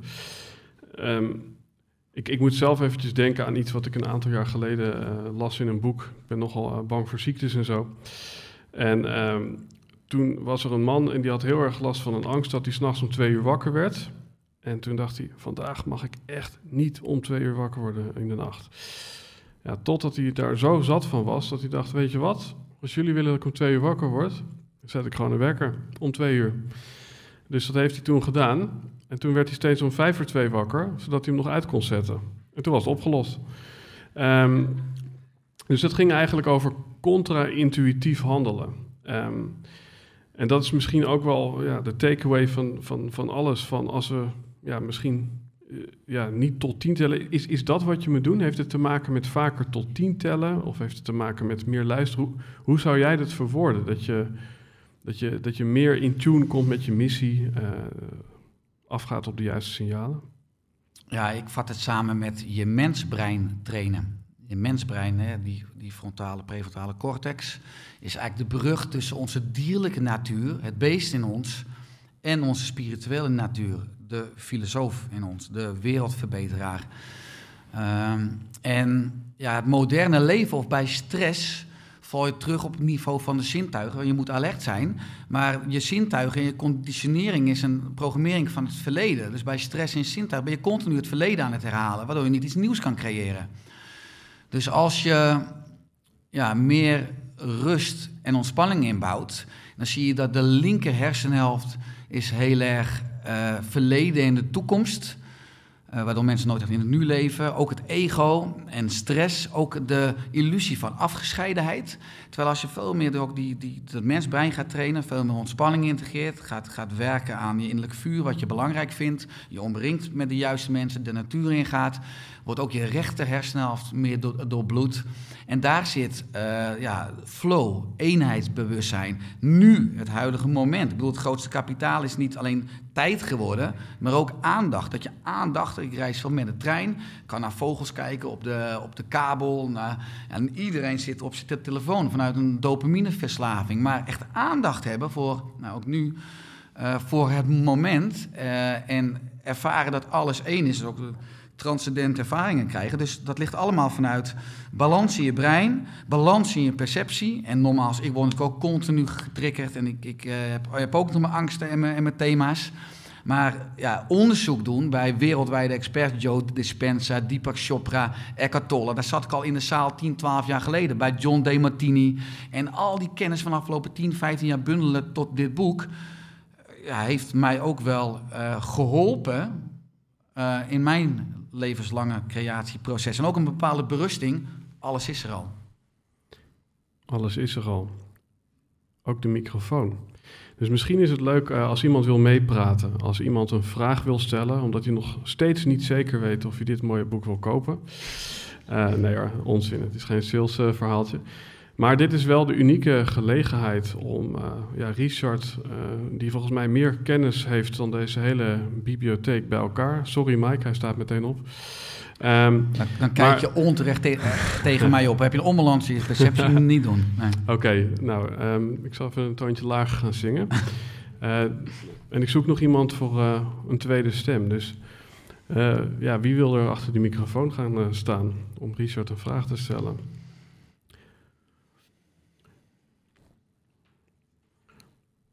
Je mag alles aan me vragen. Behalve je pincode. Ja, mag je ook vragen. Ja, hoi. Ik ben heel benieuwd hoe je kijkt naar de generationele overlevering in ziektes. Dus zeg maar. De transgenerationele. Dank je, die. Ja. ja. Ja. Ja, hoe kijk je daarnaar? De vormen van ziektes en disbalans. Ja, hoe kijk ik naar transgenerationele onbalansen die doorgegeven kunnen worden? Uh, ja, dat is ook een enorm boeiend vakgebied. Uh, ik beschrijf in mijn eerste boek Oersterk al hoe een zaadcel en een eicel versmelten. Ook met het hele energetisch materiaal van papa en mama dan. En ook transgenerationele thema's. Ja, die lopen door generaties heen totdat iemand het oplost of een bepaalde wond heelt. Ik heb dan 27 mei dan een podcast uh, met Els van Stijn, wat ik ook natuurlijk enorm boeiend vind qua de fontein en die familieopstelling. Alles is energie.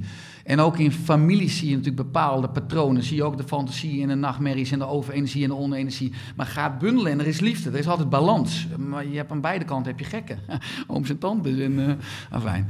Uh, daar zal ik niet te lang over uitweiden. Hoe het bij mij in de familie gaat. Uh, maar ja, dus dat boeit me enorm ook, die transgenerationele. Hoe je ook met transgenerationeel energetisch werk...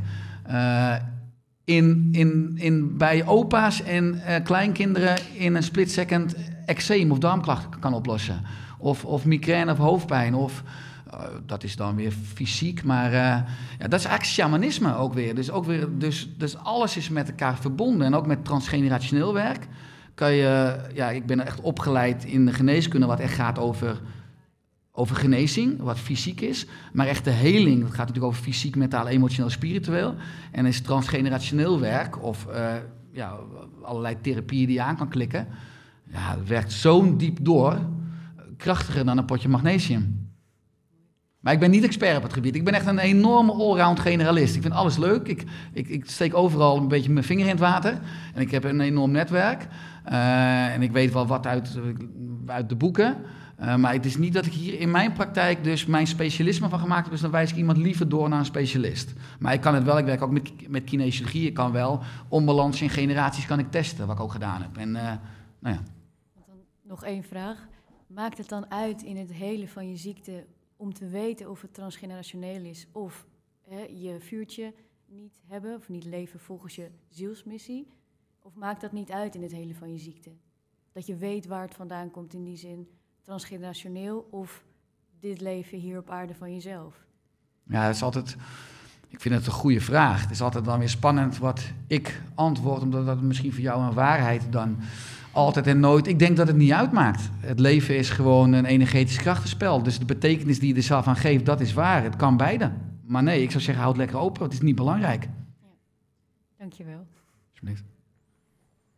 Dat is een andere dappere strijder. Zijn naam is Peter Maasdam. Op mijn tenen staan, man. Je gaat echt op je tenen lopen van... Uh... Ja, doe maar, doe maar een beetje.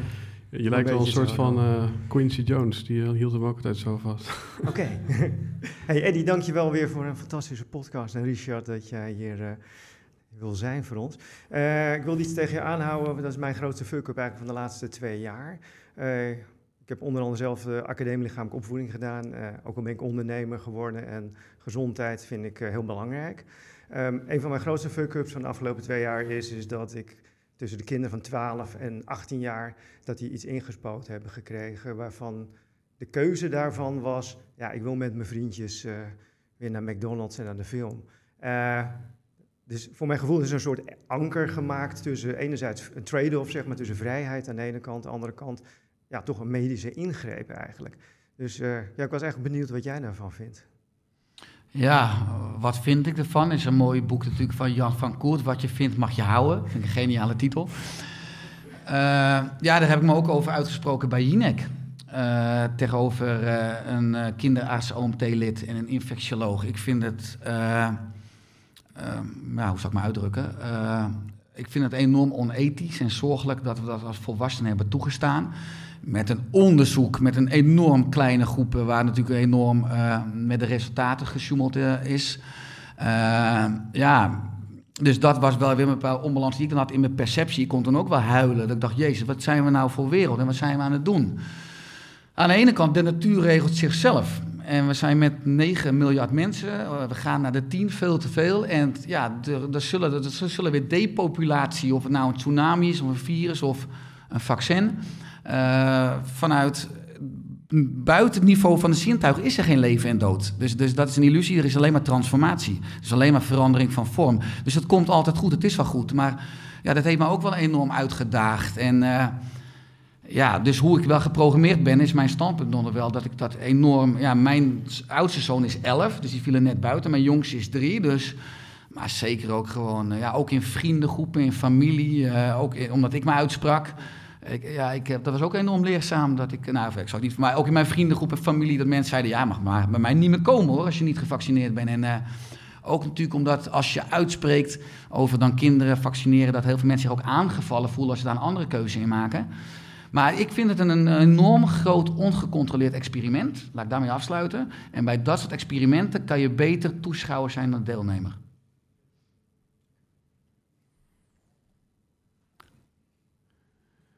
Food for thought. Ehm, waardoor iedereen nu in gedachten verzonken is. Is er toch iemand die denkt van, uh, nou ja, nu ik toch in het nu leef, maak er nu maar wat van.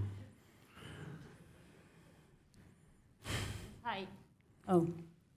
Ja, gaat goed. Ja, je mag, je, mag, je, je mag gewoon het huwelijk aangaan hoor, met die microfoon. Dus, uh... Nee, ik, volgens mij gaat het wel lukken. Um, ja, jij bent ook vader, Richard. Ik ben moeder van uh, drie jongens, waarvan twee pubers en eentje nog van tien. Als jij het hebt over zielsgelukkig, wat is dan een goede praktische tip voor ouders om ervoor te zorgen dat dat een beetje gaat leven of al wordt ingeprent bij ja, je, je kinderen?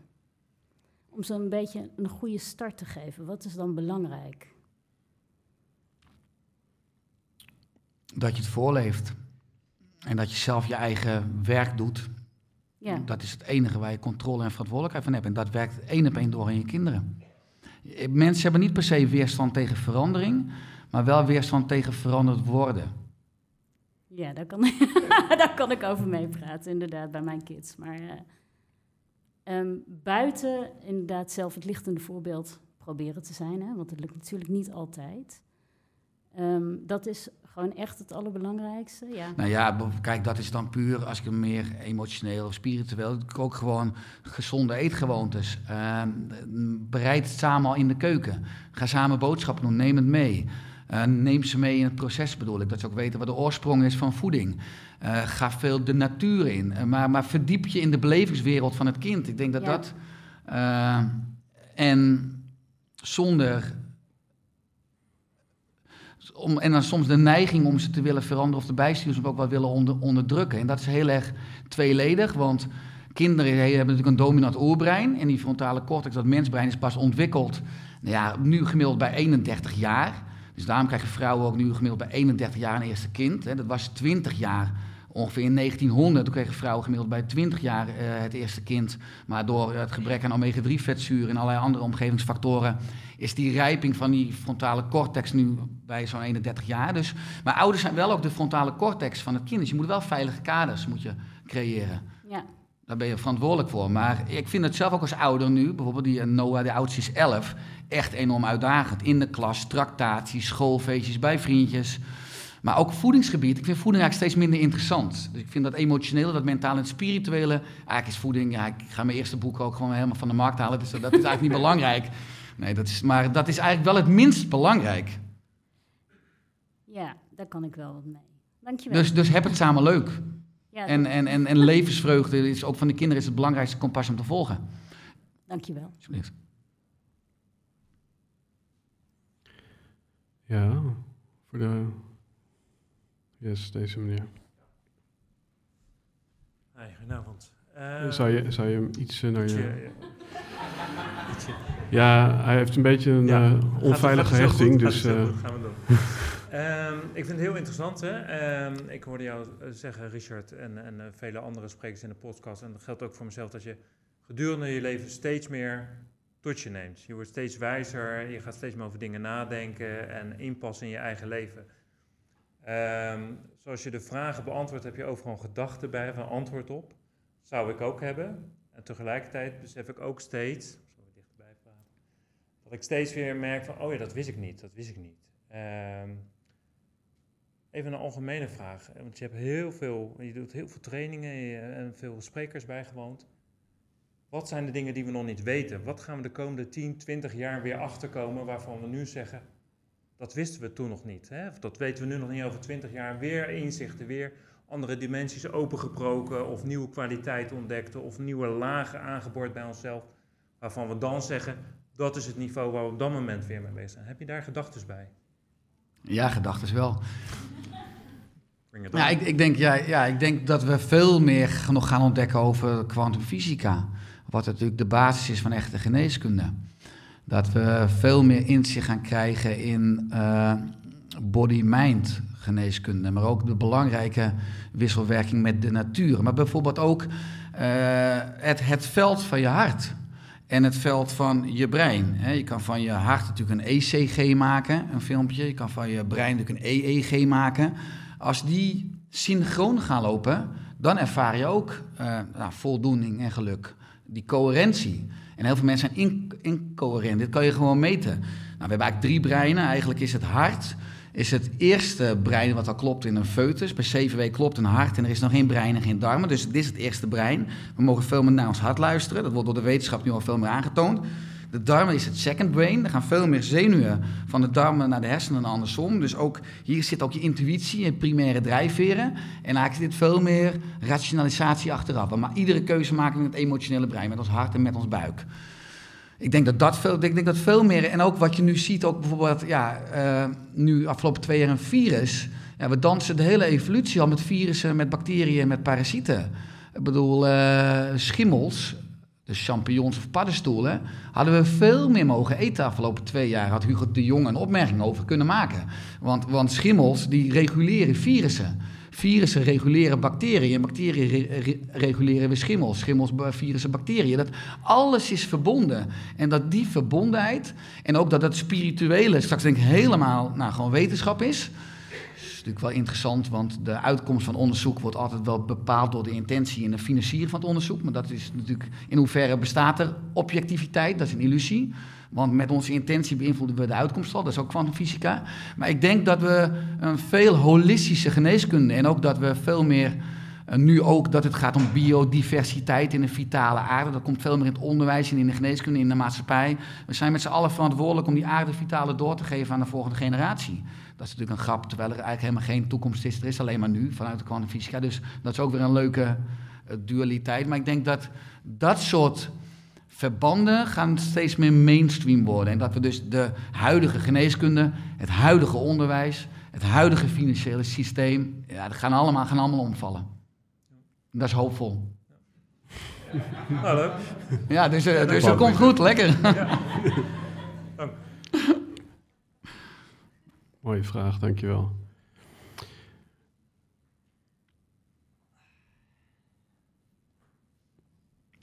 Heb ik dat nou van jou, Richard? Dat, dat, ik heb wel eens ergens gehoord dat als, als een stuk van, van je darmen om, om wat voor reden dan ook verwijderd raken, dan schijnt schijn, uh, ja, het, over, het, over, ja, het, het, overgebleven stuk schijnt als het ware les te gaan geven aan het nieuwe stuk van zo werken wij.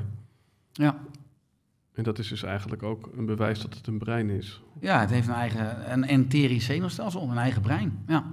ja. Mooi. Uh, wil iemand anders uh, zijn brein uh, nog eventjes naar de microfoon toe bewegen? Yes. Mijn naam is Marjolein en um, in zekere zin ben ik een soort collega. Ik heb ook geneeskunde gestudeerd. En bij mij heeft het iets langer geduurd voordat ik erachter kwam dat het dat ik mijn hart niet aan het volgen was. Uh, ik ben uiteindelijk gynaecoloog geworden en een jaar geleden um, een baan opgezegd, omdat ik uh, wist dat dit niet was wat mij vervulling gaf. En ik sloeg ook aan wat jij zegt, hè, de systemen gaan, staan op omvallen. Dat is uh, goed nieuws. Ik vond het best een um, heftig besef toen ik midden in dat systeem zat en dacht van ja, ik wil het anders doen. Dat ik realiseerde van dit gaat mij niet lukken, ik kan dat beter buiten het systeem gaan doen. Uh, ook omdat ik veel uh, van mijn uh, collega's zag lijden. Niet iedereen die dat dan zelf doorhad, maar merk je wel Met een lange ei? Ja. Ja, lijden, ja. Precies, sorry, ja. En um, mijn vraag eigenlijk is, hoe, wat zou je advies zijn aan alle mensen die nu eigenlijk nog worstelen in dat systeem en daar sommigen zien dat het eigenlijk niet werkt, maar daar toch nog in blijven. Sommigen die het niet zien, maar wel aan allerlei andere dingen merken dat het niet meer werkt. Ja, wat, wat moet je eigenlijk doen als je in een systeem zit wat op instort staat? Hoe kijk jij daar tegenaan? Ja, ik moet zeggen dat ik altijd grappig vind dat jullie allemaal vragen aan mij stellen en dat ik een beetje zit als de alwetende. Dus neem ook alles wat ik zeg met maximale twijfel aan en pak op wat, wat resoneert met je. Uh, Maar ja, kijk, wat je ziet is dat uh, ja, in de geneeskunde, uh, natuurlijk in Amerika, één op de twee artsen hebben burn-out klachten. Want daar is natuurlijk nog een, een, een ziekere populatie. Uh, dat enorm veel artsen, of het, het, systeem is eigenlijk ziek. Er werken fantastische individuen in het systeem. De reguliere geneeskunde zegt fantastisch op het gebied van de acute geneeskunde, echt expert. Maar ja, de moderne welvaartsziektes komen voor door een onnatuurlijke leefstijl, of onnatuurlijke denkstijl, of onnatuurlijke zijnstijl, als het over geest-ziel. En daarin zijn artsen niet opgeleid. Je ziet dat nu onder jonge specialisten dat één op de vijf het ziekenhuis uitstappen. Want die jonge artsen willen niet met 80, 100 uur in de week werken. Die willen ook een gezin hebben en andere rollen in het leven. En oude artsen, die werken, nou, dat was gewoon een roeping. Je was altijd aan het werk. Uh, ja, dus dat advies zou altijd zijn, ga altijd weer terug naar je eigen kompas. Ik heb enorm veel respect voor al die fantastische zielen die in dat systeem werken. Maar het systeem zelf is ziek. Hè? Normaal, we zijn met z'n allen aan het dweilen met de kraan open. Maar niemand vraagt zich af, waar zit de kraan? Wat, zit wat is de oorzaak van de oorzaak? En zeker ook heel veel klachten in het ziekenhuis komen bijvoorbeeld door, door trauma's. Door vooral ook mentale, emotionele en spirituele uh, onbalansen, wonden. Wat je natuurlijk niet leert. Uh, dus ja, ik weet niet of ik de juiste persoon ben om advies te geven. Omdat, ja, ik kan ook niet zeggen, jongens, stappen met z'n allen uit. Want dan, dan als ik morgen mijn been breek, dan... Uh, dus, maar uiteindelijk heeft alles in juiste tijd, juiste plaats. En ik denk dat, dat dat voor jou nu de juiste tijd was om deze stap te maken. als je nog steeds je kernkwaliteit en talenten kwijt kan in het systeem en daar voldoening uit haalt.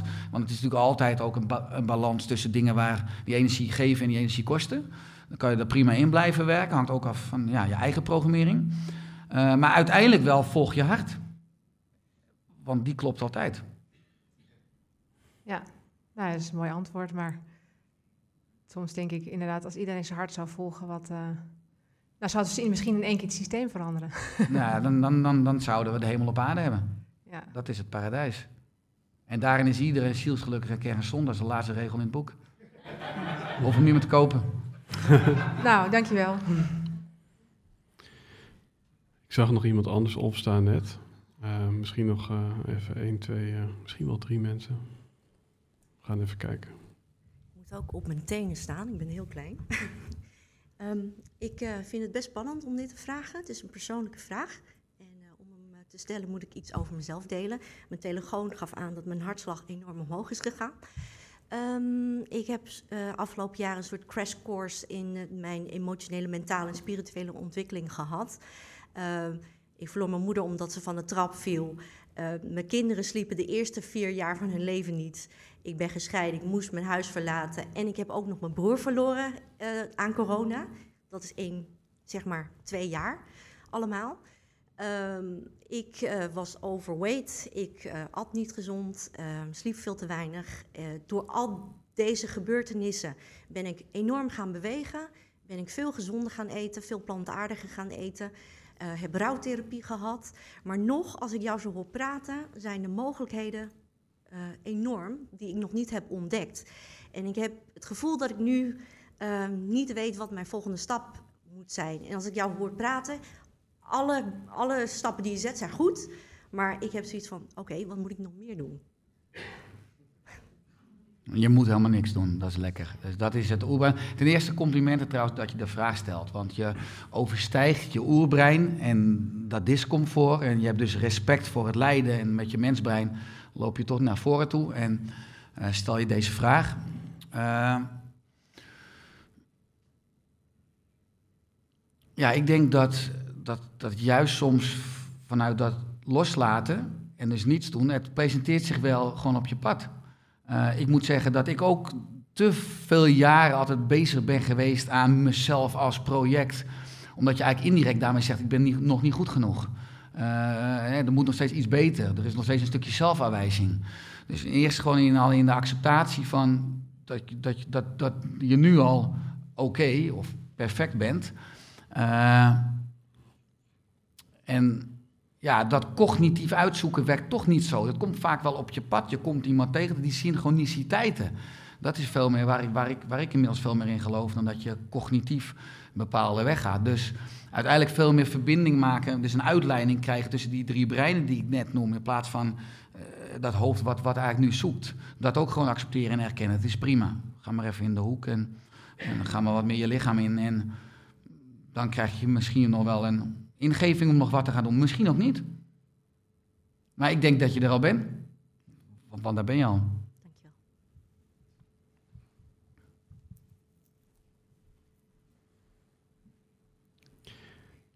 Mensen die de audio later terugluisteren, die denken dat de aflevering nu afgelopen is. Maar stilte schijnen alle antwoorden te zitten, hebben we net geleerd. Ja, Boeddha zei, verbreek de stilte alleen als iets toevoegt. En mijn vrouw zegt heel vaak, dan moet je meer naar luisteren. Daar heb ze gelijk in.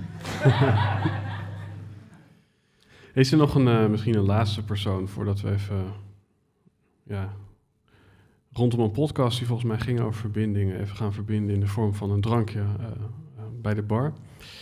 Is er nog iemand die, eh, die graag eh, iets wil toevoegen of iets wil vragen? Iets wil zeggen? Daar komt eh, iemand aan. Nou, ik zou misschien ook als tussenwoord ook wel de andere gasten willen danken die ook bij jou in de podcast zijn geweest. Ik luister veel podcast. En het leuke is natuurlijk, vind ik, van podcast dat je ze altijd af kan luisteren. En dat het begrip leraar en leerling natuurlijk continu uitwisselbaar is. En dat veel personen die hier zitten ook bijgedragen hebben aan de persoon die ik nu ben. Dus eh, dank ook voor iedereen die hier zit voor jullie wijsheid. Mooi. Jonathan, als we het hebben over een podcast. Nou ja, ik wil je vooral eh, bedanken dat je eigenlijk een leider bent. En de wereld, zo zie je maar weer, en ook hoe je, wat je omschrijft, ook met corona en alles. De wereld heeft nog steeds tekort zoals leiders zoals jij. Dus ga vooral door met deze missie. Ga mensen nog meer wakker maken. Ga nog tien boeken schrijven. En blijf vooral doorgaan met mensen wakker maken. Want met leiders zoals jij zijn absoluut nodig. Dus dat is, ik wil je vooral bedanken, man. Dankjewel, mooie woorden.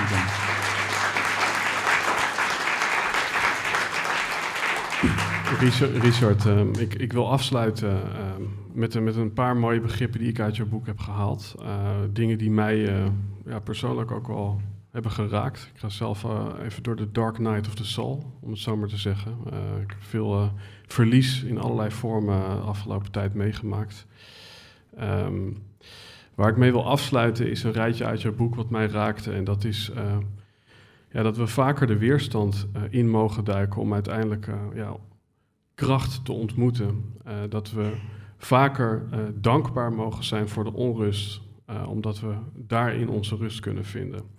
En dat we anderen eh, mogen geven, omdat we daaruit eh, meer gaan ontvangen. Ladies and gentlemen, mag ik nog één keer een hartelijk applaus voor Richard de Let.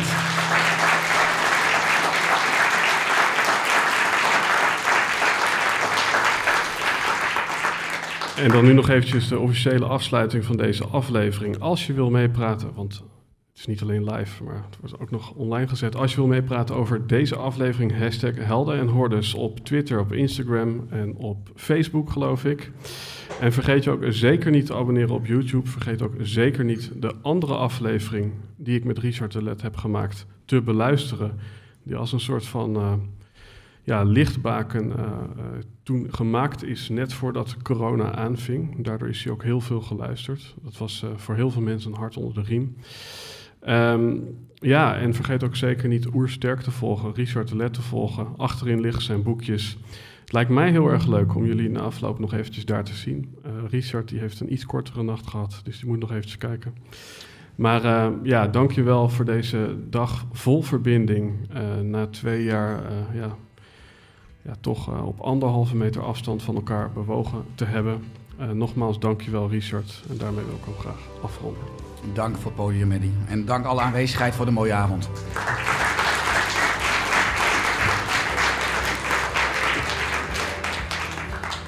Nu gaan we zuipen.